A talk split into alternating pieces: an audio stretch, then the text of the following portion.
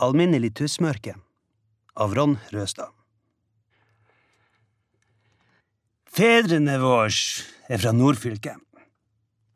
Nordfylket er befolka av en blandingsrase av mennesker som vandra på forskjellige ruter siden istidas slutt, før de møttes i nordfylket. Fedrene fra nordfylket er praktisk anlagt, flinke til å bygge. De står tidlig opp om morgenen og får ting gjort. De er identiske med hverandre, bortsett fra at, at noen av dem spiller trekkspill og andre ikke.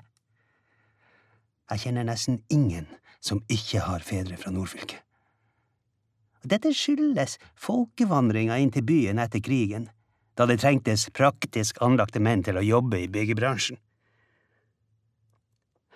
Mange av sønnene som vokste opp i byen, ble ikke som fedrene.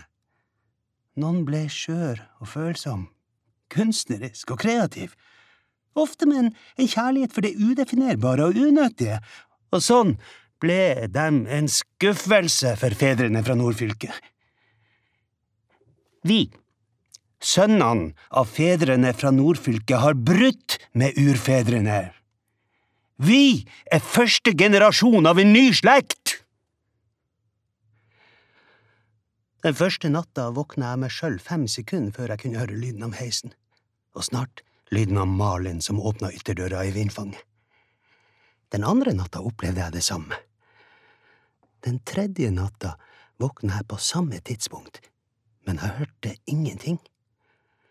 Jeg ble liggende våken i et mareritt og ventet til halv sju, da Malin kom hjem og banka på soveromsdøra mi.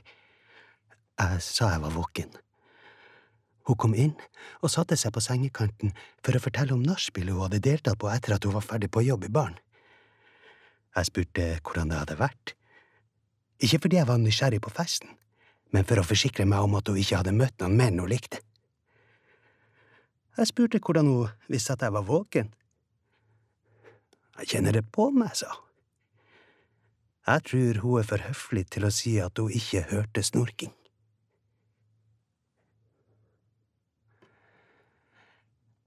Kan man rope på bartenderen her?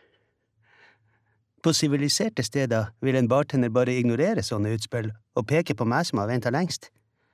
Men ikke på møkkastedet Franks, der ape serverer drinker til apevennene sine. Det er nesten bare menn i barkøa. Kvinnene sender ut mennene sine for å se hvor lang tid han bruker på å skaffe dem en strawberry daiquiri. Trofeet han stolt viser til sin kjære for å vise at han er mann nok til å få servering på Franks pub uten å vente i timevis. Hvis du venter på din tur, hvis du følger spillereglene, hvis du ikke presser på, hvis du ikke hevder din rett på bekostning av andres, da blir det ingen strawberry daiquiri, og uten strawberry daiquiri er man en pusling, og er man en pusling, blir det ingen puling! Så derfor er det ikke rart at stemninga foran baren er amper. Det her er hva amerikanerne kaller for en high stakes situation.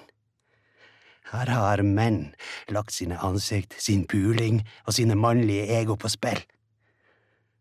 Og mannen bak meg roper Hei, Yngve, en mojito, tre strawberry daiquiri, to gin tonic og fire pils.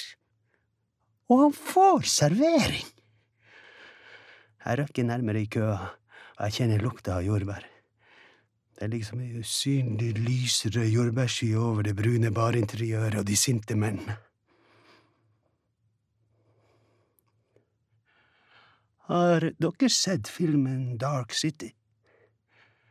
Hvor mennesker er stranda på en satellitt i verdensrommet som alltid vender seg bort fra sola?